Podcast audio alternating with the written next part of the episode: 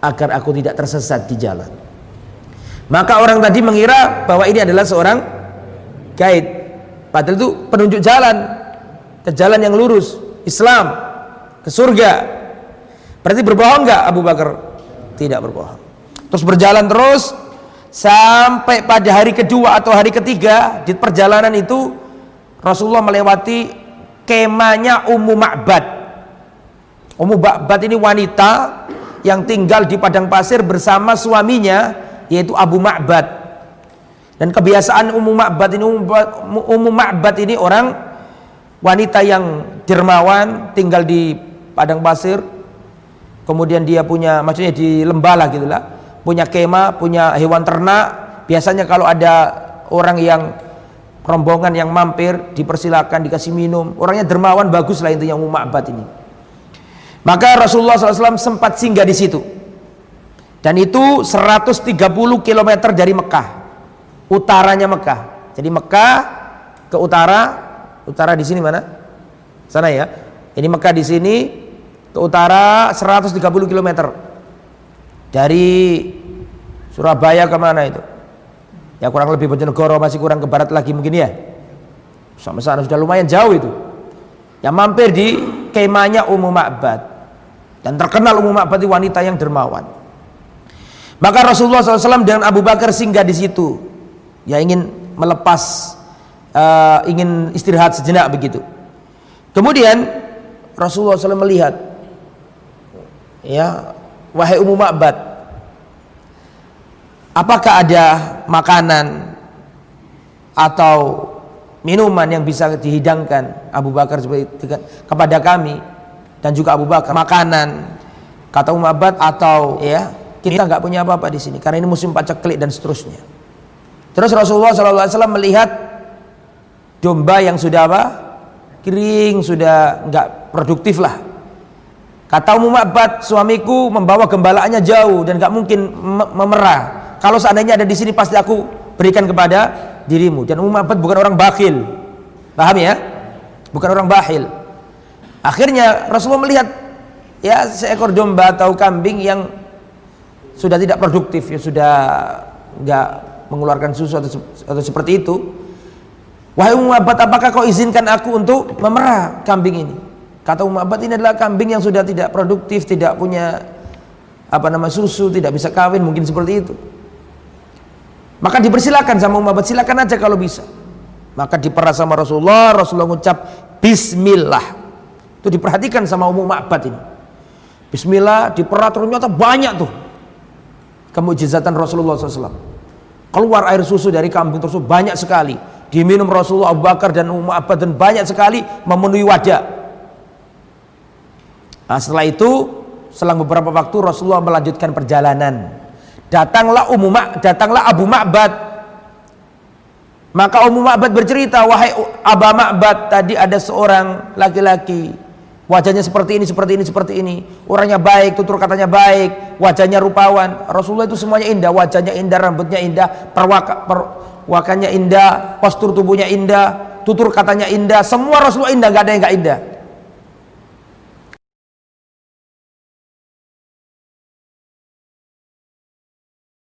Diceritakan semua sama suaminya. Siapa namanya tadi? Abu Ma'bad. Maka Abu Ma'bad mengatakan, "Wallahi saya mengira dia ini orang yang dicari-cari Quraisy. Saya mengira dia ini Muhammad yang sedang dicari-cari oleh siapa? Quraisy. Itu berarti menunjukkan kabar orang kafir Quraisy mencari seseorang sudah terdengar sampai 130 meter dari kota Mekah. Paham maksudnya ya? Wallahi seandainya aku bertemu sama dia, aku ingin beserta sama dia. Jadi Ma'bad ini masuk Islam. Dan Abu siapa tadi? Ma'bad. Terus Rasulullah Shallallahu Alaihi Wasallam berjalan. Lah waktu diceritakan oleh Ummu Ma'bad tadi kepada Abu Ma'bad tentang ciri-ciri Rasulullah, maka Abu Ma'bad ya seperti yang saya katakan tadi ingin menyertai Rasulullah untuk pergi ke Madinah. Terus dari situlah terdengar suara jin. Suara jin menginfokan ke kafir Quraisy yang ada di kota mana? Mekah. Bahwa sekarang Muhammad dan Abu Bakar ada di kemahnya siapa tadi? Ummu Ada seorang penyair yang nggak diketahui suaranya dari mana itu.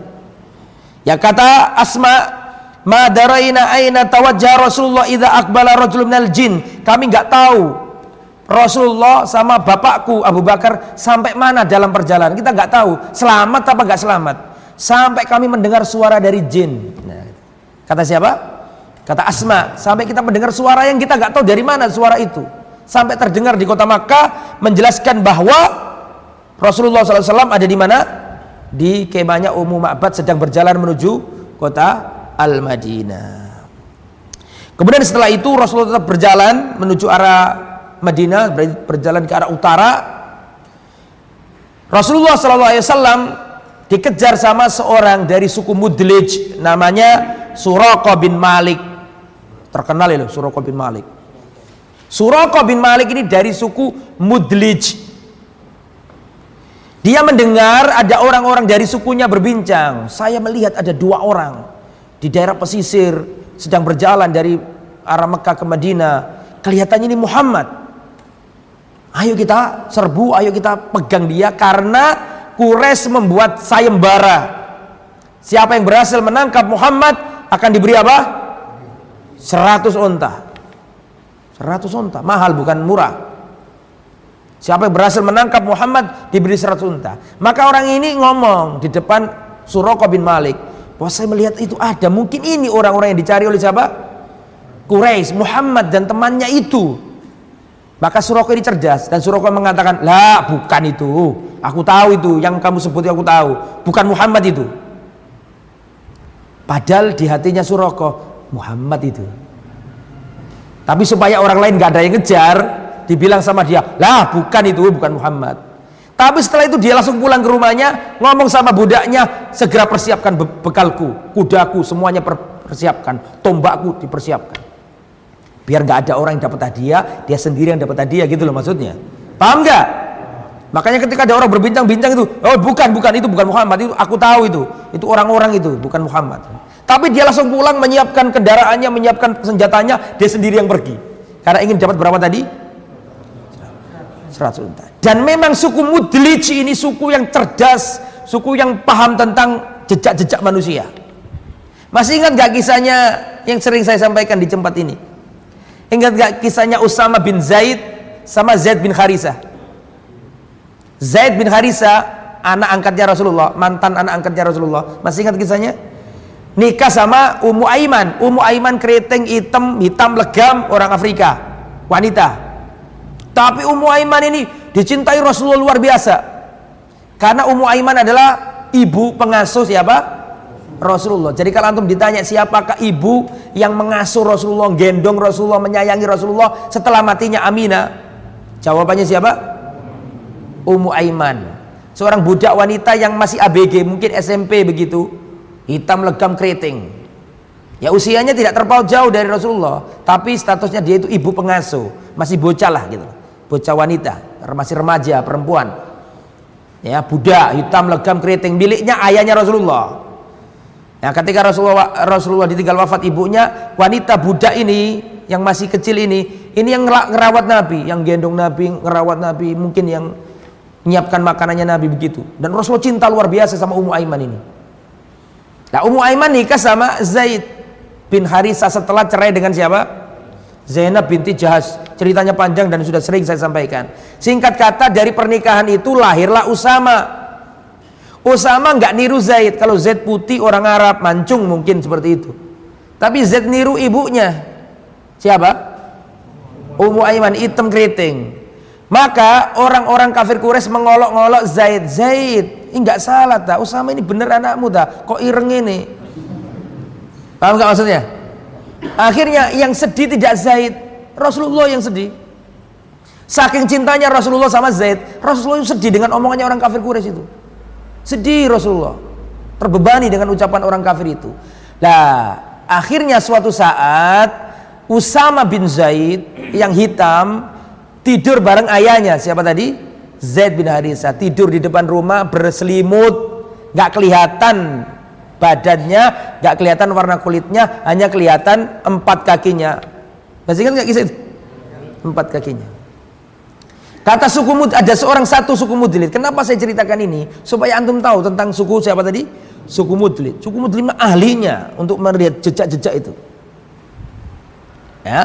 Kata orang suku Mudlid ini, wallahi kaki empat ini sebagiannya adalah sebagian dari yang lain. Berarti ini memang DNA, dulu kan nggak ada tes DNA.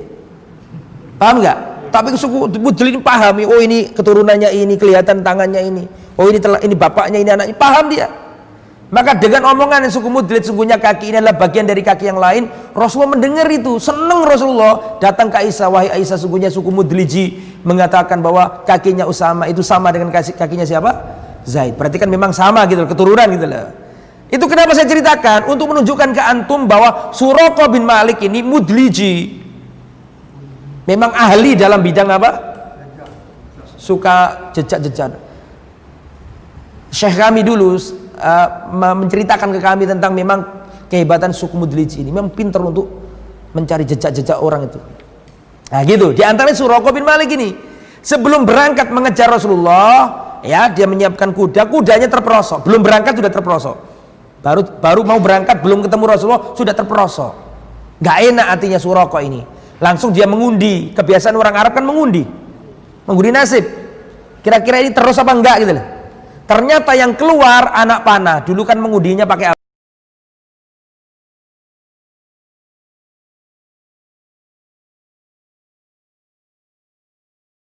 Apa?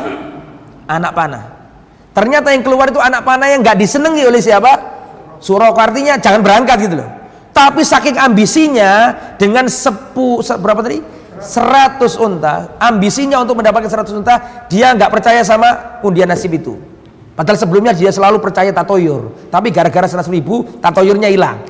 Eh kok 100 ribu? Berapa? 100 unta, keliru ngomong. Ya. Padahal biasanya orang Arab jahiliyah itu sangat taklid dengan tatoyur, gak berani. Kalau ternyata undiannya itu benar-benar jangan berangkat, gak berani berangkat mereka. Tapi karena tergiur dengan 100 unta tadi, gak peduli dengan tatoyurnya, dia berangkat. Mengejar Rasulullah kata Suroko, aku melihat Abu Bakar sering tola-toleh. Sedangkan aku melihat Rasulullah tidak pernah tola-toleh. Lurus saja. Tola-tolehnya Abu Bakar itu karena apa? Mengkhawatirkan siapa? Rasul, takut ada musuh begitu loh. Tola-toleh Abu Bakar. Ke depan, ke belakang, toleh kanan, toleh kiri. Gak tenang Abu Bakar itu. Karena memastikan Rasulullah aman. Untuk Abu Bakar. Maka ketika hampir terkejar, terperosok lagi. Terperosok lagi. Ngundi nasib lagi ya masih gak intinya jangan berangkat lagi gak diperdulikan lagi sama siapa Suroko akhirnya Suroko sadar ini ada yang gak beres ini akhirnya Suroko mengatakan berhenti aku tidak mengejarmu lagi. Kalian aman aku tidak mengejar kalian lagi. Baru terjadi dialog itu. Dan Suroko bin Malik ini masuk Islam dan Suroko bin Malik ini orang yang diserupai iblis. Atau diserupai siapa?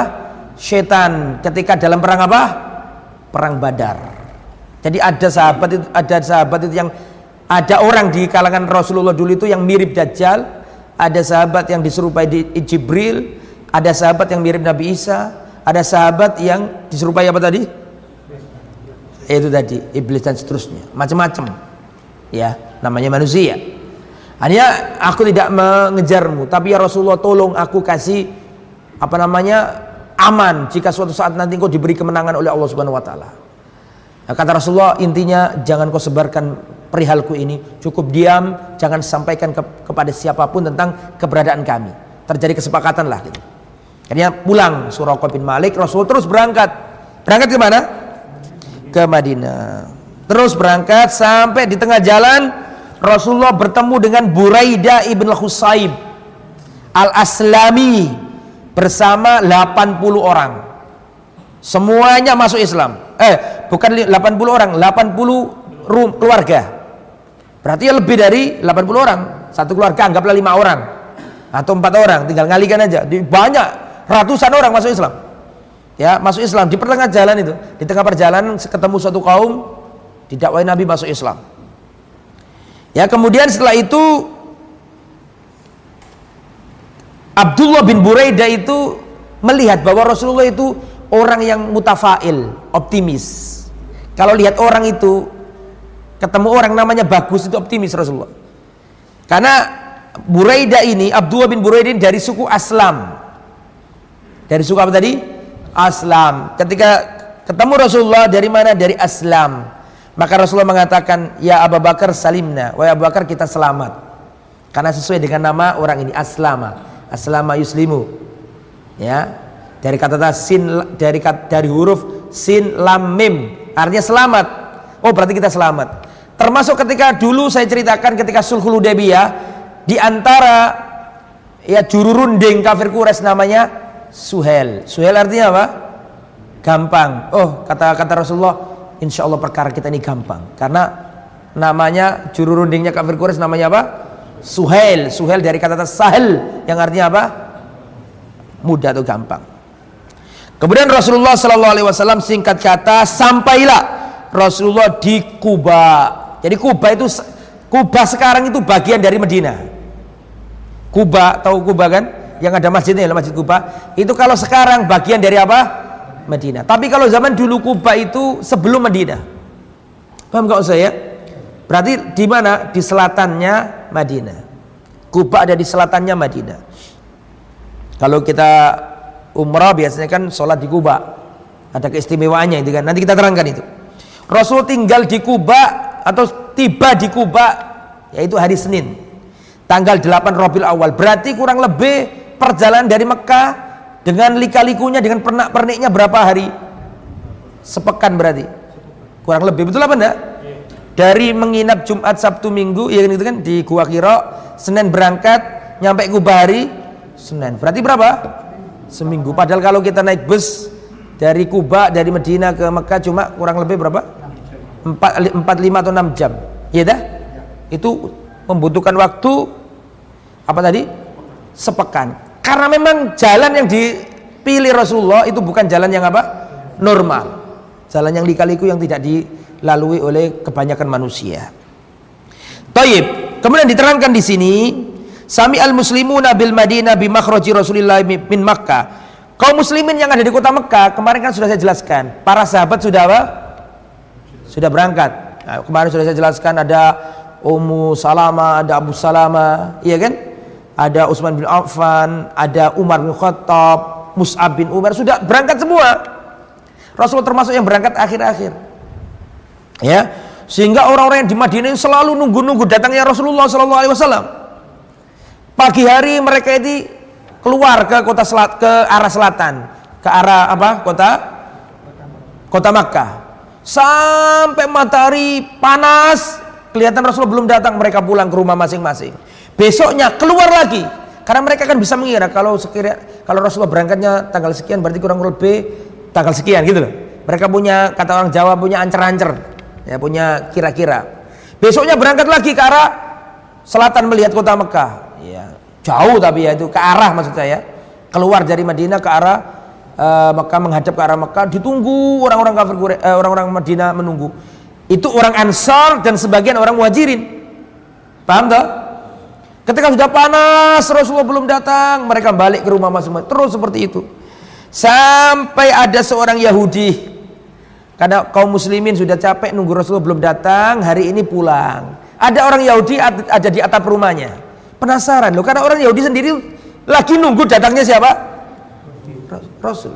Jadi ketika ada berita gonjang gonjang ganjing di kota Madinah bahwa akan ada nabi yang terusir dari kampung halamannya Mekah pergi ke Madinah, itu yang yang heboh tidak hanya orang-orang Ansar, orang orang Yahudi yang di Madinah juga heboh. Karena apa? Karena menurut Taurat ya, zaman itu adalah zaman-zaman akan keluarnya apa? seorang rasul dan mereka menunggu dan mereka tahu nanti saya terangkan bagaimana perjumpaan pertama kali rasul sama orang Yahudi. Insya Allah hari ini mudah-mudahan cukup waktunya. Kemudian setelah akhirnya Rasulullah SAW ya seperti yang saya katakan tadi ada seorang Yahudi yang naik di atap rumahnya melihat wahai orang-orang Arab itulah manusia yang kalian tunggu-tunggu. Justru yang pertama kali tahu siapa? Itu juga menunjukkan bahwa orang Yahudi juga ikut menunggu gitu loh. Mereka juga lagi penasaran. Makanya Rasulullah SAW ya para sahabat langsung uh, menyambut Rasulullah Sallallahu Alaihi Wasallam. Ya, tapi ini masih di Kuba, belum sampai di mana? Di Medina belum. Ya, karena Rasulullah tinggal di Kuba dulu.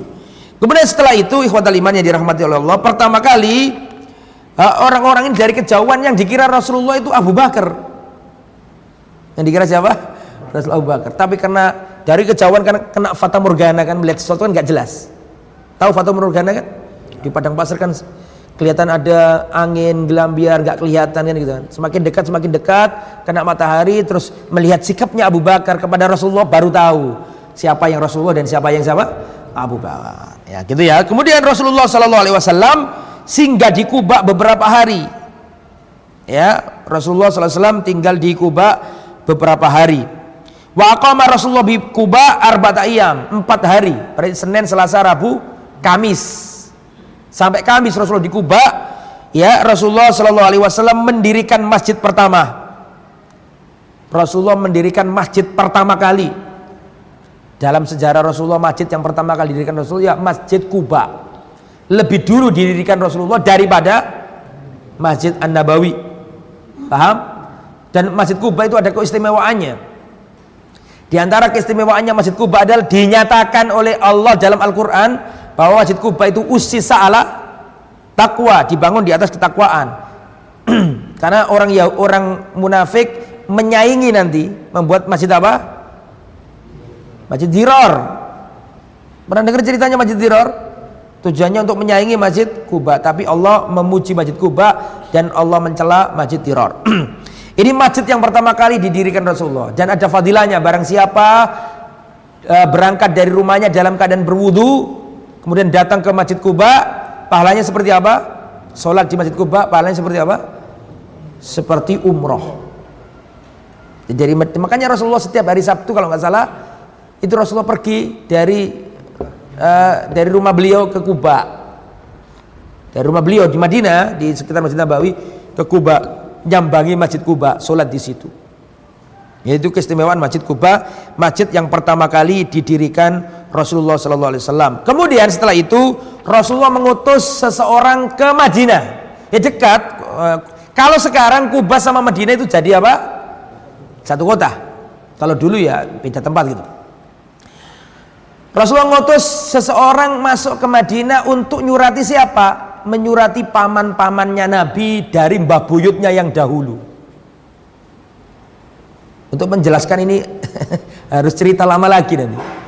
Jadi Rasul itu punya keluarga di Medina para jamaah. Bagaimana kok Rasulullah punya keluarga di kota Madinah? Ah, siapa yang tahu? Bagaimana kok Rasulullah itu punya keluarga di kota Yastrib? Dari dari gimana ceritanya? Ada yang tahu? Ah, masih ingat beliau. Karena buyutnya Nabi itu dulu punya istri berarti mbah utinya Nabi. Ngerti mbah uti? Mbah putrinya Nabi. Itu orang Yathrib. Kan dulu kan saya ceritakan kan Rasulullah punya bapak namanya Abdullah. Abdullah punya bapak Abdul Muthalib. Abdul Muthalib punya bapak namanya Hashim. Masih ingat? Hashim dulu itu waktu berangkat ke Syam untuk dagang sempat nikah sama orang Yasrib namanya Salma. Punya anak namanya Syaibah Syaibah inilah siapa namanya? Abdul Muthalib kakeknya Nabi. Masih ingat itu? Berarti Abdul Muthalib kakeknya Nabi itu ibunya orang Yasrib namanya Salma. Berarti Rasulullah punya paman-paman dari pihak ibu. Paham nggak maksudnya? Pihak ibu bukan Aminah ibu-ibu nenek maksudnya. Karena mbah putrinya Rasulullah yang bernama Salmah, suaminya istrinya Hashim, ibunya Abdul Muthalib itu penduduk Yathrib. Berarti Rasul punya keluarga enggak? Punya. Itu namanya paman dari jalur ibu, dari jalur mbah putri. Punya di situ. Dari Bani Najjar. Rasulullah ngirimi surat gitu loh. Fa arsala ila Bani Najjar ahwal faja'u mutaqallidina suyufau langsung noh Paman-paman Nabi itu dari Mbak Buyut yang sama datang ke Nabi bawa pedang semuanya, membela Nabi. Jangan sampai nanti ketika masuk kota Madinah ada orang jahat, ada orang munafik, ada orang musyrik. Belum ada munafik pada waktu itu. Imam musyrik, imam muslim. Yang masuk Islam jadi ansor. Yang nggak mau masuk Islam namanya masih musyrik. Tapi nanti lambat laun yang musyrik bingung, masuk Islam nggak enak, musyrik juga enak. Akhirnya jadi apa? Munafik. Nanti ceritakan itu. Akhirnya berangkat tuh keluarganya Nabi bawa pedang semuanya. Ya mengelilingi Nabi sampai ke kota Madinah. Nah, di kota Madinah itulah para sahabat sudah nunggu hari Jumat. Rasulullah tiba di kota Madinah hari Jumat. Ya Rasulullah masuk kota Madinah. Wadzalika summiyat balda Yathrib bil Madinah. Bi Madinati Rasul. Semenjak hari itu kota Yathrib diubah menjadi Madinatur Rasul, kota Rasulullah. Cuma disingkat jadi Al Madinah. Kota. Maksudnya itu kota Rasulullah SAW. Kemudian dalam riwayat ada sahabat oh, sahabat-sahabat Ansor menyenandungkan syair Tola'al badru alaina min taniyatil wada'i wajaba syukru alaina mada'a da'i ayyuhal mab'uthu fina cita bil amril muta'i. Yang terkenal selawat apa namanya? Ya ini khilaf pendapat kapan diucapkan tetapi Imam Ibnu Qayyim uh, merojikan tidak selain itu ya, khilaf pendapat ada yang mengatakan itu pas ketika Rasul datang ada yang mengatakan pas ketika selesai perang banyak khilaf kita tidak masuk ke sana ya akhirnya orang-orang Ansor rebutan Rasulullah bawa unta. Untanya Nabi namanya siapa?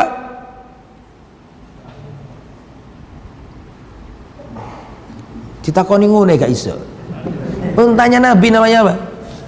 Rasulullah Wasallam pada itu membawa unta. Ya, untanya Nabi namanya apa? Kos, koswa. Rasulullah punya unta ada namanya. Rasulullah punya keledai ada, punya bahla punya namanya. Dikasih nama zaman dulu itu. Taib. Para sahabat rebutan apa? Ngambil tali kekangnya. Monggo ya Rasulullah mampir rumah saya. Jangan ya Rasulullah rumah saya aja. Rebutan untuk ditamui Rasulullah. Meskipun mereka bukan orang berpunya, tapi sangat antusias supaya Rasul ada di rumahnya, menjamu, dikasih tempat tidur, pokoknya disiapkan. Semua rebutan. Semua nggak rebutan ngambil apa? Tali kekang untanya Rasulullah. Kata Rasulullah SAW, Kallu sabila fa inna. Sudah biarkan untaku jalan. Dia ini diperintah oleh Allah.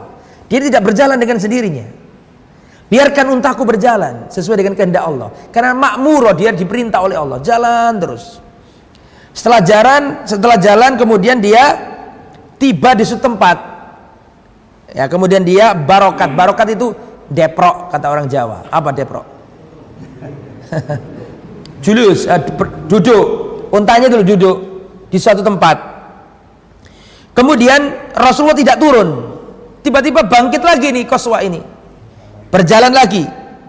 Kemudian dia toleh, menoleh, kemudian mundur, terus menderum lagi. Iya menderum namanya. Depro itu menderum namanya. Ketemu bahasa Indonesia-nya. Menderum. Lah tempat menderumnya unta itulah yang nanti dijadikan tempat masjid Nabawi. Dan itu di Bani Najjar. Di Bani apa? Bani Najjar di keluarganya siapa? Rasulullah sallallahu alaihi wasallam. Kemudian para sahabat rebutan apa namanya uh, menjamu Rasulullah. Maka Abu Ayyub Al-Ansari mengambil pelana. Mengambil apa namanya? Perbekalannya Rasulullah. Kata Rasulullah, "Bagaimana kalian mau jamu aku?" Rasulullah dibuat rebutan, sedangkan pelana aku ada Abu Ayyub. Akhirnya Rasulullah sama siapa? Pinter Abu Ayyub ini ngambil yang sekiranya Rasulullah nggak mungkin bisa lepas dari itu karena itu ada perbekalannya Nabi. Tadi kan saya katakan kan perbekalannya Nabi diikat di mana? di pelana sama siapa tadi Asma paham nggak makanya pinter Abu Ayyub yang lain megang ini yang lain megang itu Abu Ayyub ngambil itunya sendiri kata Rasul nggak mungkin aku jauh dari perbekalanku. Akhirnya Rasulullah ada di rumahnya siapa? Abu Ayyub Al Ansori dan Abu Ayyub Al Ansori membela Nabi luar biasa. Nanti ketika Aisyah dituduh berzina Gak tahu berapa pertemuan lagi masih panjang nanti ketika Aisyah dituduh berzina Abu Ayyub termasuk yang membela Aisyah. Ketika gosip ini beredar di masyarakat dan ada sebagian sahabat yang ikut menyebarkan gosip itu dan akhirnya dicambuk sama Rasulullah. Hamna binti Jahaz kemudian Hasan bin Thabit Mistoh itu ikut nyebarkan ya karena kena pengaruhnya Abdullah bin Ubay bin Salul. Tapi Abu Ayub langsung datang ke istrinya. Wahai Umma Ayub wallahi aku tanya kepada engkau seandainya engkau ada di posisi Aisyah ketinggalan rombongan gitu gitu ceritanya kan. Kemudian sama laki-laki lain apakah kamu berzina sama laki-laki itu? Kata Ummu Ayub wallahi mustahil aku melakukan itu dan gak mungkin aku melakukan zina. Maka Ummu Ayub Abu Ayub mengatakan, "Wallahi wahai Ummu Ayub, Aisyah lebih baik daripada dirimu." Kalau engkau saja nggak mungkin melakukan itu, bagaimana mungkin Aisyah melakukan? Termasuk yang membela luar biasa Abu Ayub. Makanya Aisyah sangat mengingat-ingat kejadian itu. Abu Ayub itu luar biasa. Abu Ayub Al Ansori itu kuburannya nggak ada di mana? Nggak ada di Arab. Kuburannya ada di hampir Konstantinopel sana. Ikut jihad visabilillah untuk men, apa, me, menaklukkan Konstantinopel. Tapi belum berhasil. Berhasilnya di zamannya Muhammad Al Fatih. Jadi kuburannya Abu Ayub nggak ada di Medina, nggak ada di Arab, di hampir Romawi sana, Konstantinopel. Kalau zaman dulu namanya Bizantium, Romawi Timur. Itu tentang Abu Ayyub. Akhirnya Rasulullah tinggal di rumahnya Abu Ayyub, dihidangkan luar biasa ya. Kemudian ikhwatal iman yang dirahmati oleh Allah Subhanahu baru setelah itulah Aisyah datang. Aisyah datang, kemudian istrinya Nabi Sauda. Padahal istrinya Nabi belum banyak. Setelah Khadijah wafat, Rasulullah nikah sama uh, Sauda terus Aisyah, tiga tok. Yang satu sudah wafat tinggal dua. Siapa tadi? Sauda sama Aisyah. Adapun yang lain nanti setelah tinggal di kota Madinah. Kemudian datanglah juga adapun putrinya anak putri-putri Nabi datang semuanya. Setelah Rasul datang, putrinya Nabi datang, istrinya Nabi datang, Ali datang, kecuali Zainab. Zainab putrinya Nabi, Zainab bintil As. Gak bisa hijrah karena Abdul As kafir. Abdul As namanya eh, eh, menantunya Nabi itu belum masuk Islam dan Zainab gak boleh ikut ayahnya. Tapi nanti akhirnya masuk Islam dan ceritanya panjang nanti saya ceritakan ketika perang Badar. Ketika, ketika perang Badr itu Abdul As tertangkap. Abdul As orang baik sebenarnya, tapi pada waktu itu dia nggak bisa menolak ajakan kafir Quraisy. Tapi singkat kata nanti masuk Islam dan kembali disatukan Rasulullah dengan siapa? Zainab. Ceritanya panjang itu ada ceritanya nanti saya ceritakan. Kemudian banyak sahabat yang sakit karena udaranya Madinah itu ekstrim. Kalau dingin dingin banget, kalau panas panas banget. Kalau Mekah masih agak mirip-mirip Indonesia, meskipun jauh tapi agak mirip. Tapi kalau Madinah sangat jauh dengan kita, ekstrim Madinah itu. Paham? Yang pernah umroh musim dingin tahulah di bagian dinginnya Madinah. Yang pernah umroh musim panas tahulah panasnya kota Madinah. Ekstrim, lebih ekstrim dari, daripada Mekah. Semakin menjauh dari garis katulistiwa semakin ekstrim. Maka apa yang terjadi? Banyak sahabat yang sakit. Bilal sakit, Abu Bakar sakit, banyak yang demam dan seterusnya. Maka Aisyah datang ya ke Rasulullah SAW Kemudian singkat kata Rasulullah berdoa ya karena melihat banyak sahabat yang sakit di sana nggak punya tempat, nggak punya pekerjaan, lontang lantung, ada yang nggak punya apa-apa, cuma membawa badan doang. Kemarin kan sudah ceritakan ini. Sedangkan orang namanya orang hijrah itu kan butuh tempat kan gitu kan, butuh tempat, butuh kehidupan, butuh makan, udaranya nggak cocok, kulturnya masyarakat beda, banyak beda. Mekah sama Madinah beda. Akhirnya banyak jatuh sakit ya maka Rasulullah wasallam berdoa Allahumma an Allahumma an Syaibah bin Rabi'ah Utbah bin Rabi'ah Umayyah bin Khalaf Ya Allah laknatlah Syaibah bin Rabi'ah Utbah bin Rabi'ah Umayyah bin Khalaf. Mereka telah mengusir kami dari negeri kami ke negeri yang banyak wabahnya.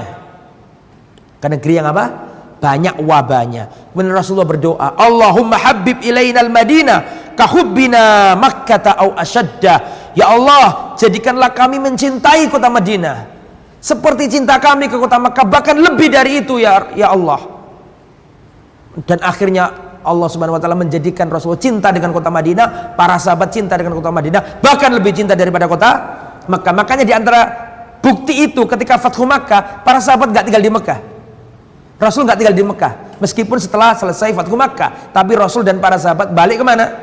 Ke Madinah. Itu dalil bahwa mereka cinta kepada Madinah. Karena kena doanya Nabi. Allahumma sahiha. Ya Allah sehatkanlah kota Madinah. Wa barik fi sa'iha. Berikan keberkahan bagi soknya dan mutnya. Sok, sok itu empat mut. Takaran timbangan loh. Maksudnya itu berkailah perniagaan yang ada di kota Madinah. Wangkul hamaha faj'allah fi juhfa. Pindahkan penyakit ini ke Juhfa. Akhirnya apa namanya Rasulullah SAW bermimpi ada wanita hitam legam, rambutnya acak-acakan, keluar dari kota Madinah menuju Juhfah. Itulah tafsir dari wabahnya pindah. Apa maksudnya ya? Pindah. Dan memang kulturnya beda. Bahkan dalam nikah pun beda kulturnya. Jadi ada seorang sahabat Nabi nikah sama penduduk Madinah. Ini selingan aja ini. Rasulullah SAW hijrah dari Mekah ke Madinah bersama para sahabat nanti terjadi apa namanya ya terjadi pernikahan waktu nikah salah seorang sahabat muhajirin sama wanita ansor kebiasaan wanita ansor itu perhatikan kebiasaan sahabat-sahabat ansor itu kalau menggauli istrinya itu tidak dari arah depan tidak arah dari belakang tapi dari arah samping ya karena itu mereka dapat ilmu dari orang Yahudi dikibuli. Kalau bikin anak, kalau mau hubungan badan nggak boleh dari depan. Jadi pakai miring begitu. Karena kalau tidak begitu, matanya akan juling. Anaknya yang lahir akan juling. Lah sahabat muhajirin ketika nikah sama wanita ansor itu malam pertama gegeran. Kalau kamu nggak melakukan seperti yang aku maksud kita cerai aja. Sampai begitu. Datang ke Rasulullah SAW dijelaskan sama Nabi itu tradisi Yahudi nggak benar itu hari setelah itu baru mau digauli dari apa dari depan ya, sampai gitu loh berbeda apalagi yang lain jadi terjadi perbedaan lah besok karena nggak cukup waktunya untuk menerangkan kita sampai di sini pada pertemuan ini besok akan saya terangkan ya kultur masyarakat Madinah berbeda dengan Mekah kalau Mekah cuma ada dua warna Muslim kafir hitam putih itu Mekah tapi ketika Rasulullah hijrah dari Mekah ke Madinah ternyata di Madinah itu heterogen, kan gitu kan? Ada orang muslim yang jelas-jelas muslimnya namanya Ansor. Paham ya? Ada orang yang Arab tapi nggak mau masuk Islam. Nabi datang nggak mau masuk Islam. Mereka ini musyrik. nggak mau masuk Islam. Lah orang musyrik ini lama kelamaan semakin sedikit semakin sedikit banyak masuk Islam.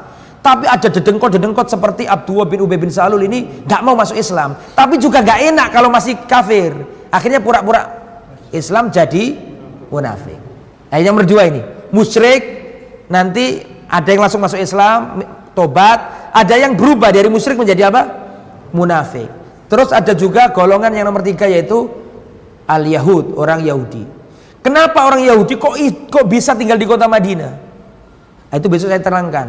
Wong Yahudi kan ada di sana, di Syam sana ya kan? Kenapa orang Yahudi kok tinggal di Mekah, eh di Medina? Apa alasannya? Terus ketika Rasulullah sampai di kota Madinah, apa yang dilakukan Rasulullah pertama kali? Besok akan kita jelaskan apa saja yang dilakukan Rasulullah pertama kali di kota Al-Madinah. Semoga apa yang disampaikan bermanfaat.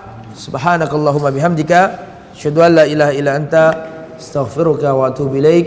Wassallallahu ala nabiyyina Muhammad wa ala alihi wa sahbihi ajma'in. Wa akhiru da'wana alhamdulillahi rabbil alamin. Wassalamualaikum warahmatullahi wabarakatuh.